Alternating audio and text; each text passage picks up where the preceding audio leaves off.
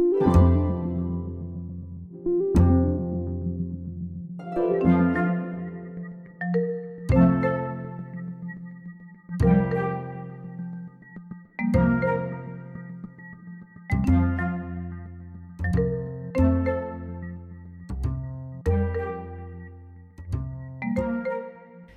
Den totala pensionen består av flera olika delar och kommer från olika håll.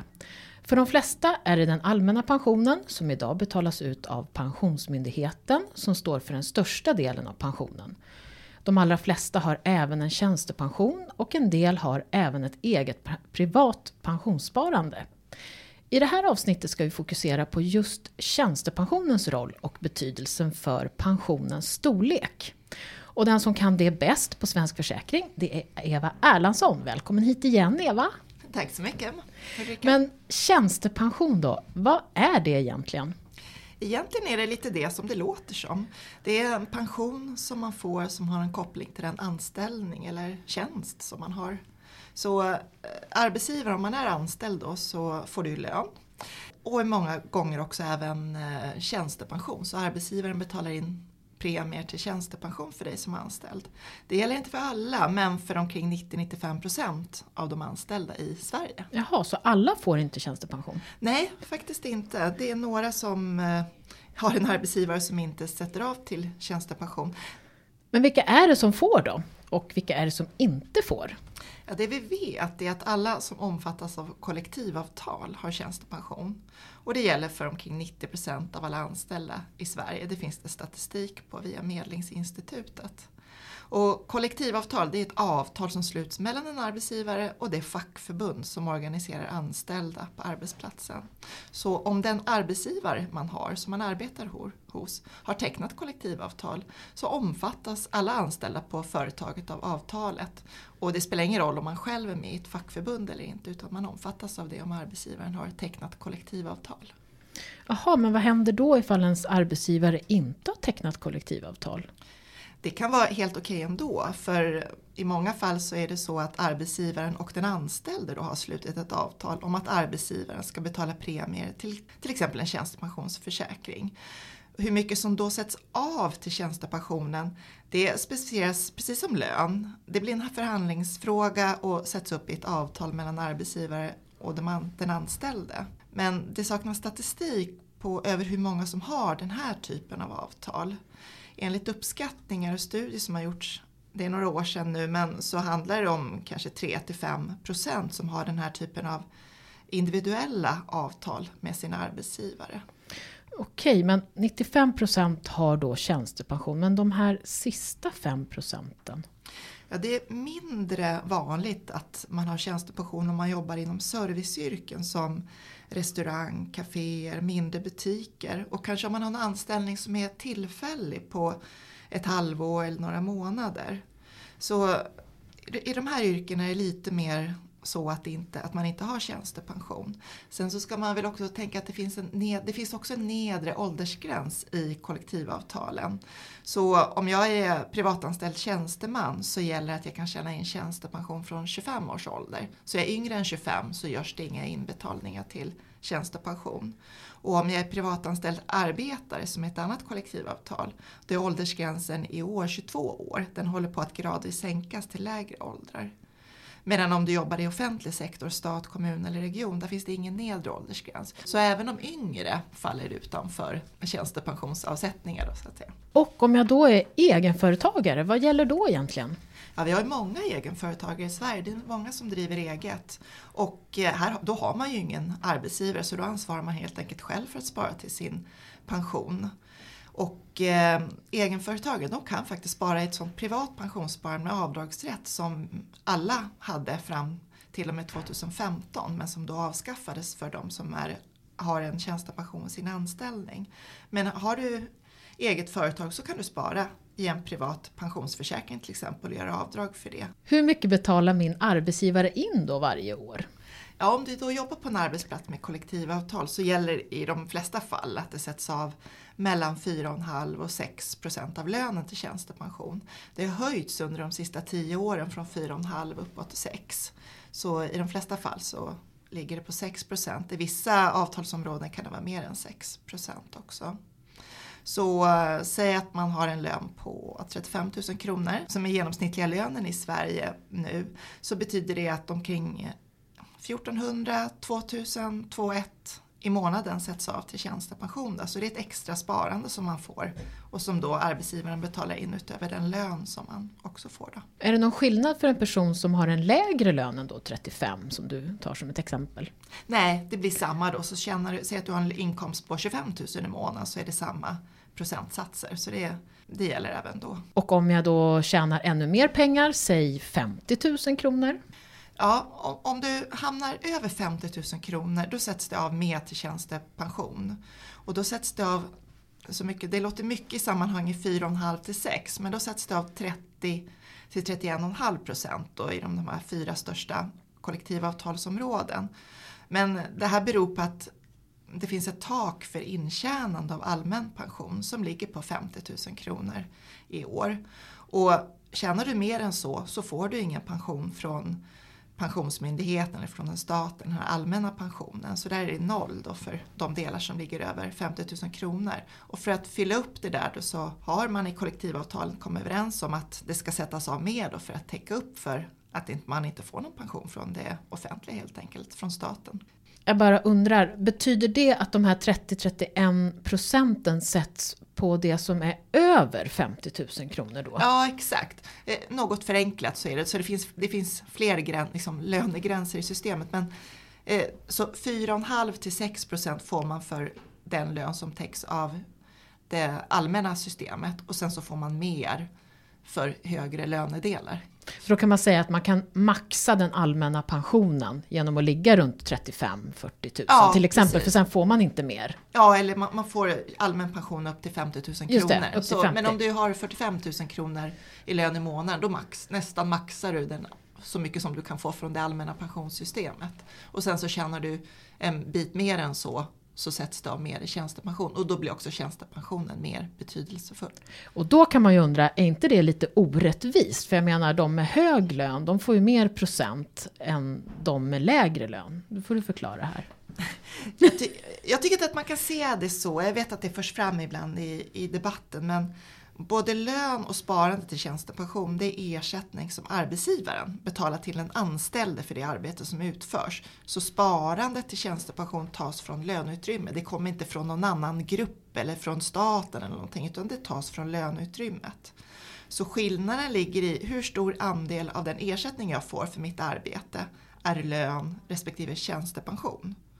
Så för de med löner över det vi kallar intjänandetaket inom det allmänna pensionssystemet så står sparandet till tjänstepension för en större andel av den totala ersättningen än för en person som har en lägre inkomst. Då undrar jag, hur stor del av min slutliga pension består av tjänstepension?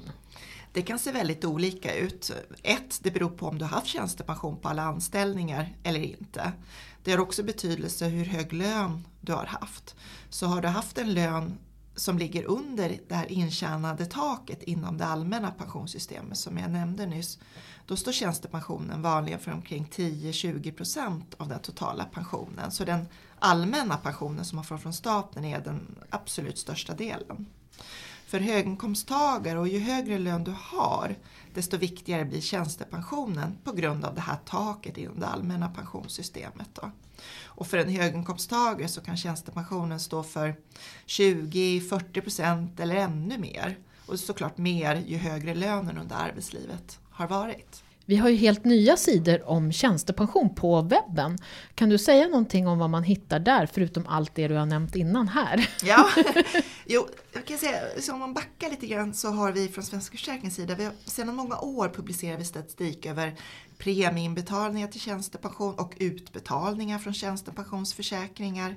Alltså det som livförsäkrings och tjänstepensionsföretagen betalar ut. Men vi har inte haft någon liksom, mer information om tjänstepension, tjänstepensionsförsäkringar, varför och hur arbetsgivare tryggar tjänstepension och olika avtalsområden på arbetsmarknaden. Så det har varit ett glapp där i den information vi ger. Så nu har vi uppdaterat vår webb. Så vi har information om de fyra största kollektivavtalen vi har information om hur arbetsgivare kan trygga tjänstepension för de anställda, vilka skatteregler som gäller och så skillnaden mellan så kallad premiebestämd och förmånsbestämd tjänstepension. Ja, och då vill jag fråga om just det där. Förmånsbestämd och premiebestämd tjänstepension. Jag blir alltid förvirrad. Kan du förklara och utveckla? Ja, jag förstår. Det är inte så enkelt att relatera till dem och det, det är också svårt att liksom räkna ut vad man omfattas av och vad de betyder. Utan man behöver leta lite då eller fråga sina arbetsgivare. Men enkelt uttryckt så kan man säga att en tjänste, tjänsteman som är anställd privat eller i offentlig sektor och som är äldre än 50 år ungefär så är det troligen så att den här personen har en förmånsbestämd tjänstepension. Och för den som är yngre än 50 år så är det sannolikt att man har en premiebestämd tjänstepension.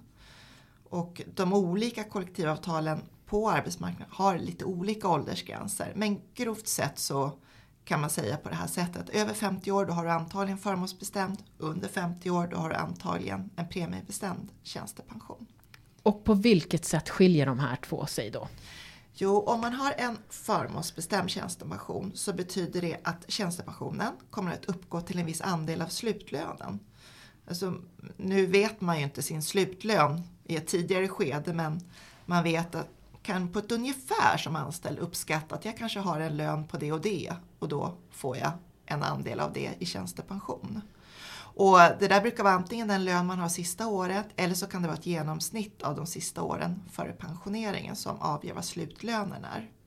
Och här har arbetsgivaren åtagit sig att betala in premie till tjänstepension så att det ska räcka för att uppfylla åtagandet gentemot den anställde. Men det gäller inte för den premiebestämda då? Nej, då är det betydligt enklare och rakare. För om man har en premiebestämd tjänstepension då sätts det helt enkelt av en viss andel av lönen till tjänstepension. Och så väljer man som anställd själv hur kapitalet ska placeras. Och hur hög pension, tjänstepensionen blir det beror då på hur väl det här kapitalet har förändrats över tid. Så det påminner om premiepensionen inom det allmänna pensionssystemet. Och som jag nämnde tidigare är premien mellan 4,5 och 6 procent i de flesta avtalen. Och sen så får man det här och det ska man då välja placering för löpande hos sin så kallade valcentral som kollektivavtalet är slutet till. Och i kollektivavtalen för privatanställda tjänstemän, det som kallas ITP1, och statligt anställda PA16 avdelning 1, då som det, det är konstiga begrepp det här, eller svåra begrepp även det här. Då, då, måste hälften av kapitalet placeras i en så kallad traditionell livförsäkring och den andra hälften kan man placera som man vill då, i en traditionell livförsäkring eller fondförsäkring.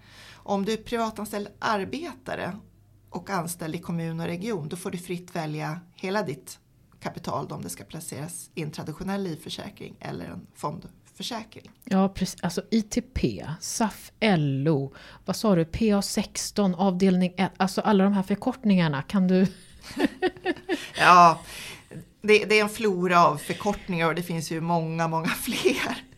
Eh, men som enkelt uttryckt, vi har fyra stora kollektivavtal i Sverige. Vi har ITP för privatanställda tjänsteman, SAF-LO för privatanställda arbetare, PA16 för statligt anställda och så har vi AKAP KR för anställda i kommuner och regioner. Och sen finns det många, många andra kollektivavtal utöver de här. Och allt det här kan vi läsa om på webben Exakt, också. Exakt, precis. Du börjar förstå ja. varför det behövs mer information om detta ja, även, på, även på vår hemsida. Och det är många som ger den här typen av information men ambitionen med vår webb är att ge en överblick av alla avtal och en väldigt neutral beskrivning av Och på här. ett och samma ställe. På ett och samma ställe, exakt.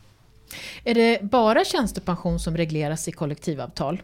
Nej det är det inte, utan kollektivavtalen är viktiga. De reglerar vår lön, vår semester, vad som gäller vid föräldraledighet, om jag får ersättning från arbetsgivaren då utöver det jag får från Försäkringskassan. Om jag blir sjuk, om jag blir arbetsskadad. Så kollektivavtalen är verkligen en hörnsten i anställningen. Jag har en annan term som jag har trillat på som jag ibland inte, eller jag förstår faktiskt inte vad det är riktigt för någonting och det är relativt nytt och det är ordet löneväxling. Vad är det? Ja, det är något man växlar här. Ja, ja. men hur? Ehm, egentligen har den här möjligheten funnits ganska länge. Det har säkert på vissa arbetsplatser funnits sedan 80-talet eller längre tillbaka. Men det har blivit mer, mycket mer uppe, eh, uppe till debatt eller mycket prat om det efter det att privat pensionssparande med avdragsrätt försvann 2016. Och löneväxling betyder helt enkelt att man växlar, man byter. En del av bruttolönen växlar man mot att istället få en extra premieinbetalning till tjänstepension. Så man avstår från lön idag för att istället spara till sin pension som man får i framtiden. Och det här är en väldigt bra sparform för den som vill spara själv till sin pension. Men kan alla göra det här? Både ja och nej. Det här kräver dels att arbetsgivaren erbjuder löneväxling, att arbetsgivaren går så att säga med på det här att man byter lön mot istället premieinbetalningar och det är inte självklart Säkert inte på lite mindre arbetsplatser. Sen kräver det också i, praktiken att du har en inkomst som är över det här intjänandetaket på 50 000 kronor som vi pratade lite om tidigare. För säg att jag har en eh, att jag vill spara 1000 kronor i månaden via löneväxling, då måste jag ha en inkomst på minst 51 000 kronor. För lönen efter löneväxlingen måste, eller bör, vara sam, liksom, ligga över, det, där över taket. det här taket eller precis vid det här jag taket fattar. inom det allmänna systemet. Så det är absolut inte förbjudet på något sätt av den, den anledningen att löneväxla även om jag tjänar 30 000 kronor. Men då förlorar man pensionsrätter i det allmänna pensionssystemet för att bruttolönen blir lägre. Lägre, Ja. just det. Sist men inte minst, var kan jag egentligen se hur mycket som är inbetalt hittills? Det är man ju nyfiken på. Hur många miljoner har jag? Ja precis, och då ska du absolut gå in på sajten minpension.se. För där kan du göra en pensionsprognos och så får du en uppfattning om vad din pension blir den dag du går i pension i framtiden. Du kan också se om, om jag jobbar ett par år längre, hur mycket högre blir pensionen? Och du kan jämföra din pension med andra i samma ålder om man tycker det är spännande och intressant. Och är, du, är det så att du är äldre än 55 år, då kan du också simulera uttag av pensionen och testa lite med olika avtalsområden om du har haft många olika anställningar i livet. Liksom. Så det är en jätte, jättebra sajt. Du har lyssnat på Försäkringssnack med Eva Erlandsson som är seniorekonom på Svensk Försäkring och mig Ulrika Loeb. Du hittar alla våra sidor om pension och tjänstepension i avsnittsinformationen och såklart på vår hemsida. Har du tankar eller idéer om ämnen vi borde ta upp så tipsa oss så på info svenskförsäkring.se. Vi hörs igen!